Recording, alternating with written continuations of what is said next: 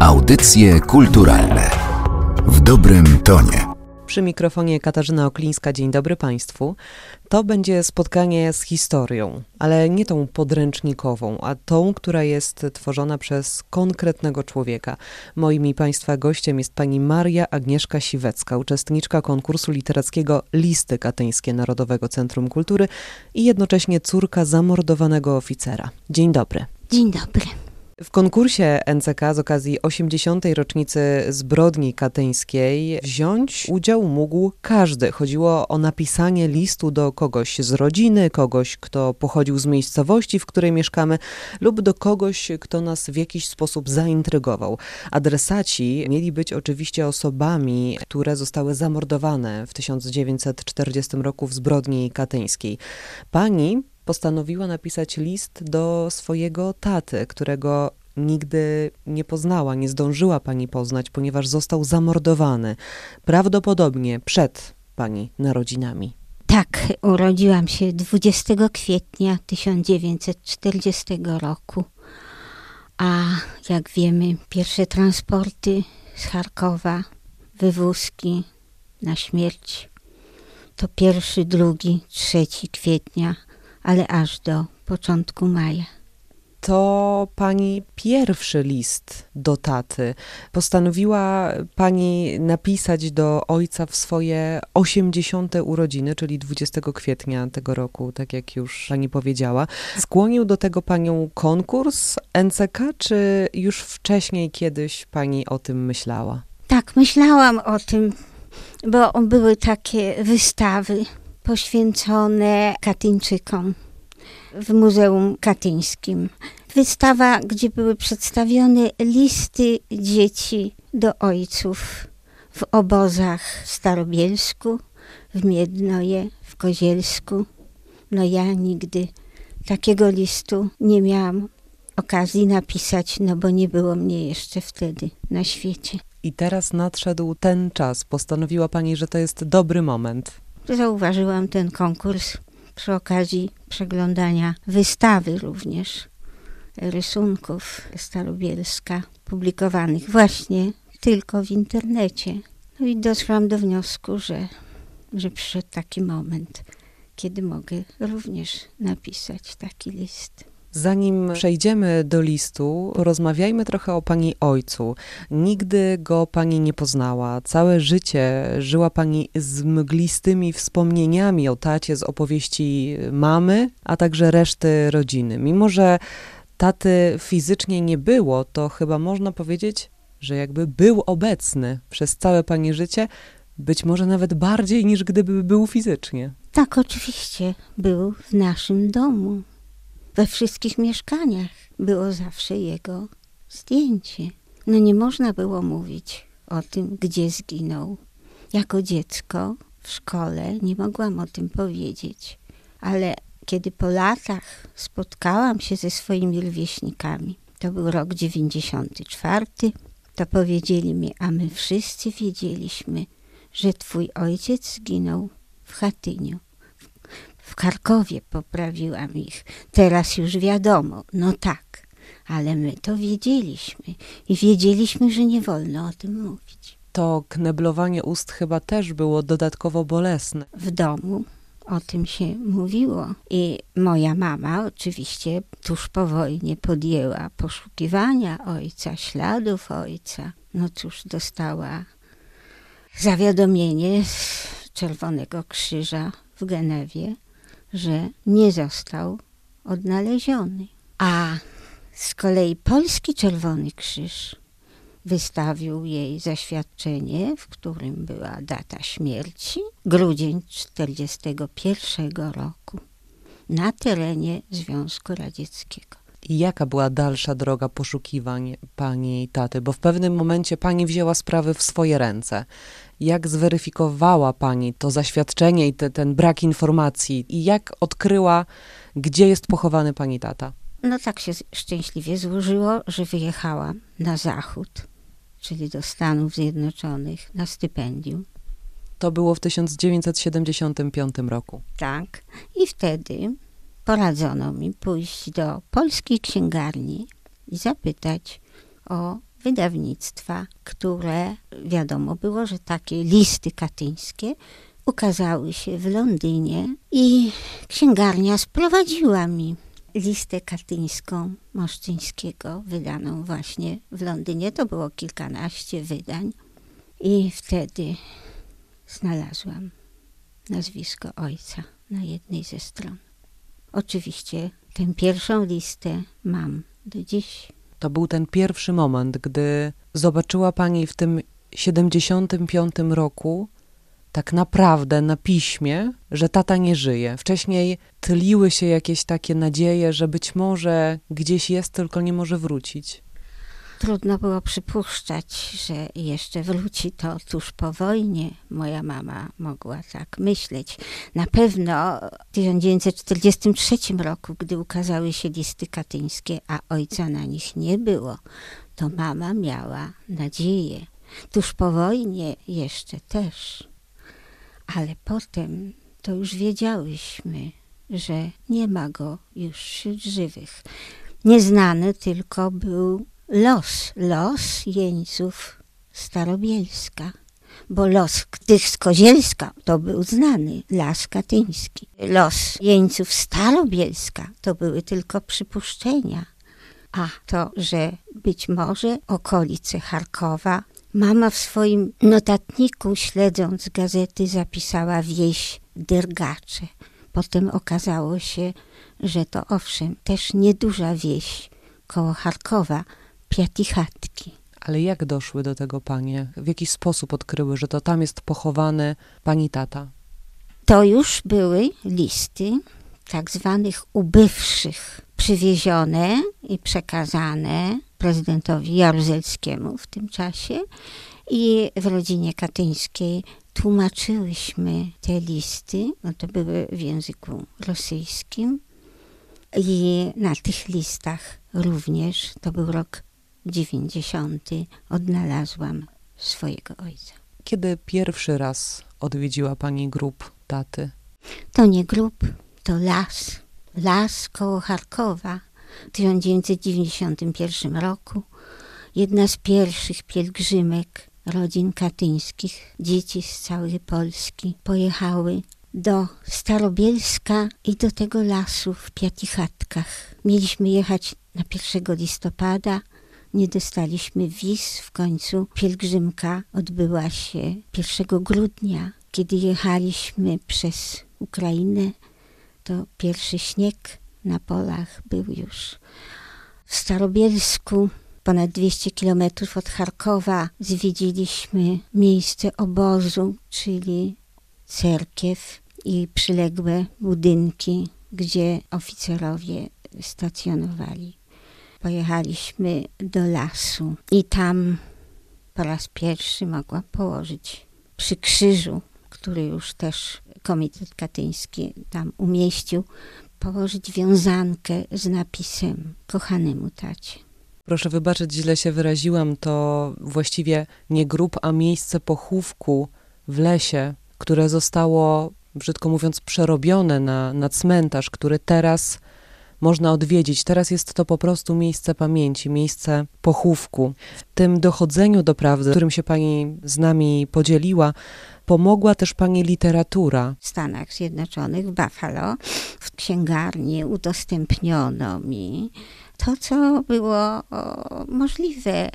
Więc y, Józefa Czapskiego na nieludzkiej ziemi, czy Swianiewicza, Katyń już z tego mogłam poznać warunki życia w obozie. To Józef Czapski opisał we wspomnieniach starobielskich, a z kolei całe okoliczności, cały rys historyczny, no, pisany przez Strzeniewicza. Ten brak, o którym rozmawiamy, brak taty, towarzyszy pani przez całe życie. Czy ma pani żal? Żal do ojca, że go nie ma, bo mógł podjąć inne wybory? Żal do historii, do ludzi, którzy te historie stworzyli, do ideologii, która doprowadziła do zbrodni? Żal to oczywiście. No, każde dziecko chce mieć ojca, tęskni za ojcem. Więc to jest brak, którego no, nie można naprawić. Natomiast nie mamy wpływu na losy nasze, na historię. No oczywiście, że system, którego ofiarą został wraz z tych 22 tysiącami innych jeńców mój ojciec, ten system był okrutny. No można powiedzieć, dokonano zbrodni, no, którą trudno wybaczyć. Powiedzmy coś więcej o, o Stanisławie Wacławie Siweckim. Był porucznikiem piechoty przydzielonym do 76 Pułku, w którym odbywał ćwiczenia rezerwy jako dowódca plutonu. Wszystkim dowiedziałam się oczywiście dopiero po latach, bo nawet kiedy już wiedziałyśmy sporo o jego drodze, to nie było pewne, czy to był 76 Pułk Piechoty, czy 81. A że był dowódcą plutonu, właściwie dowiedziałam się z noty biograficznej, która umieszczona została w księdze cmentarnej Charków,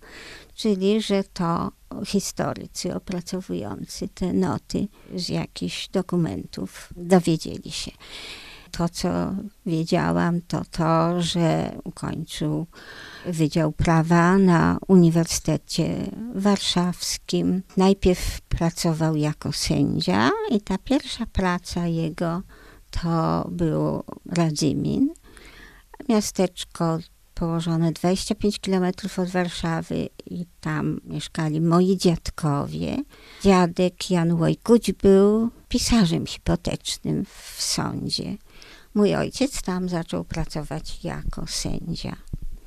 Więc najpierw poznał mojego dziadka, potem poznał dopiero jego córkę, czyli moją mamę Janinę Łojkuciówną. Ślub moich rodziców odbył się w Warszawie 23 października 1938 roku w kościele poseminaryjnym na krakowskim przedmieściu. Młodzi małżonkowie zamieszkali w domu na krakowskim przedmieściu 61. To dom moich pradziadków. Dom nie przetrwał. Został zburzony do fundamentów.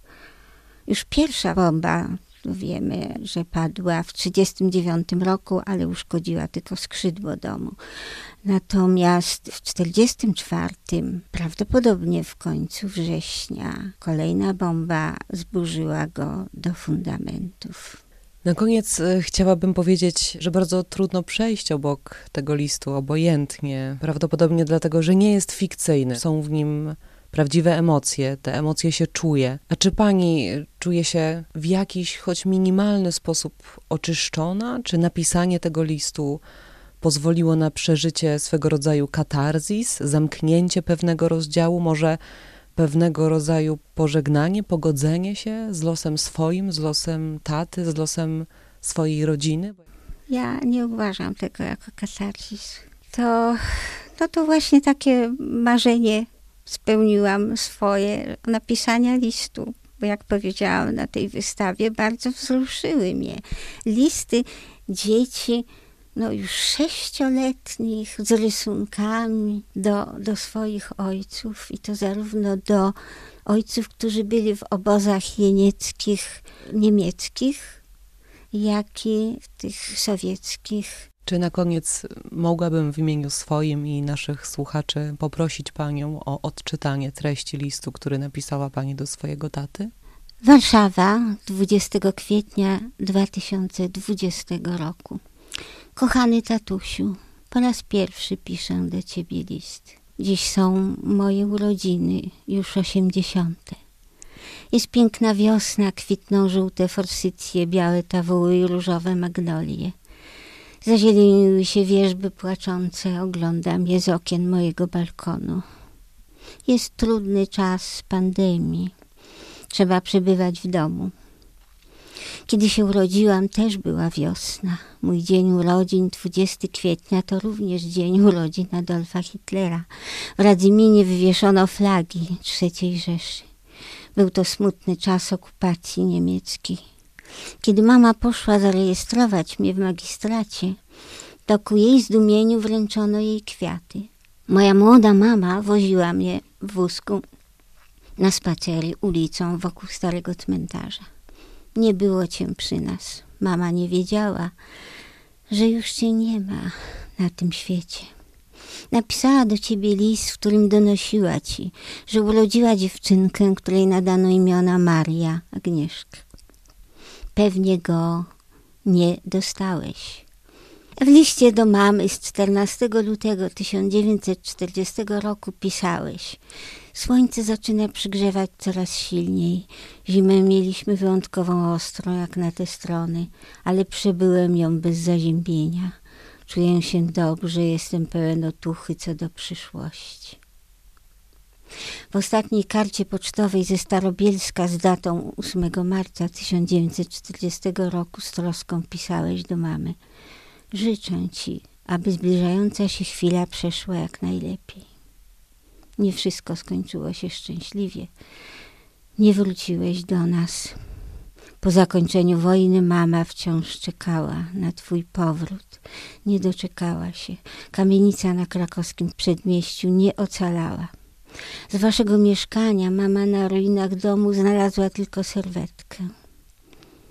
Kościół pokarmelicki, w którym 23 października 1938 roku braliście ślub, przetrwał.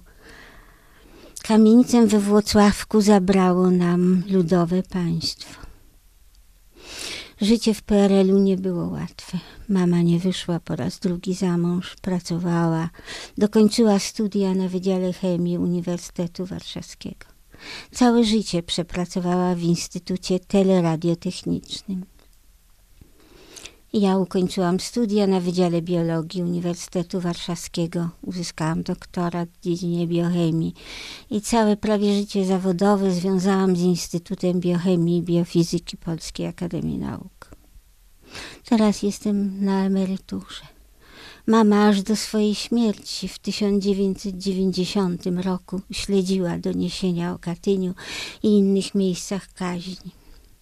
Ja, będąc na stypendium w Stanach Zjednoczonych w 1975 roku, odnalazłam cię na liście opracowanej przez Adama Muszyńskiego, wydanej w Londynie. Przywiozłam ukryte w zawodowych papierach książki Stanisława Swianiewicza w cieniu Katynia i Jerzego Czapskiego na nieludzkiej ziemi.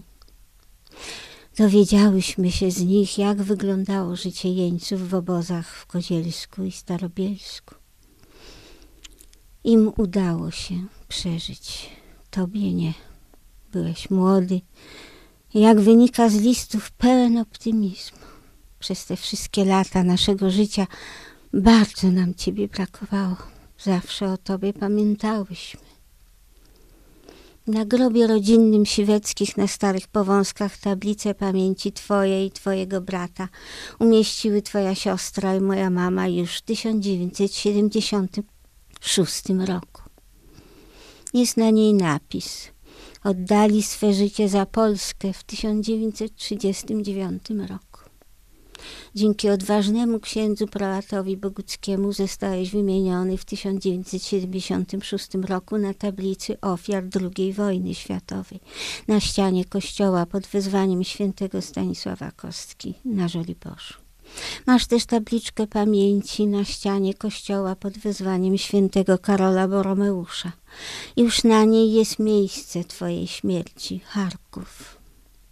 W 1991 roku byłam z pielgrzymką rodzin katyńskich w Starobielsku. Chodziłam po dziedzińcu i schodach budynku obozowego, w którym pewnie byłeś przetrzymywany. W Piatichatkach koło Charkowa, w miejscu, gdzie las skrywał twoje szczątki, jest teraz cmentarz. Byłam tam trzy razy. W najbliższym czasie, gdy tylko zakończy się epidemia koronawirusa, też tam pojadę. W Radziminie dzieci ze szkoły podstawowej posadziły dąb Twojej pamięci. Jest prawie naprzeciwko budynku sądu grodzkiego, w którym przed wojną pracowałeś. Kończę już ten list, który piszę w imieniu tych osób, które Cię kochały, które już nie żyją, a które zawsze o Tobie pamiętały. Twoi rodzice, siostra Stefa i Jasia, twoja żona i moja mama. Zawsze o tobie pamiętająca i kochająca córka, Maria Agnieszka Świecka. Audycje kulturalne w dobrym tonie.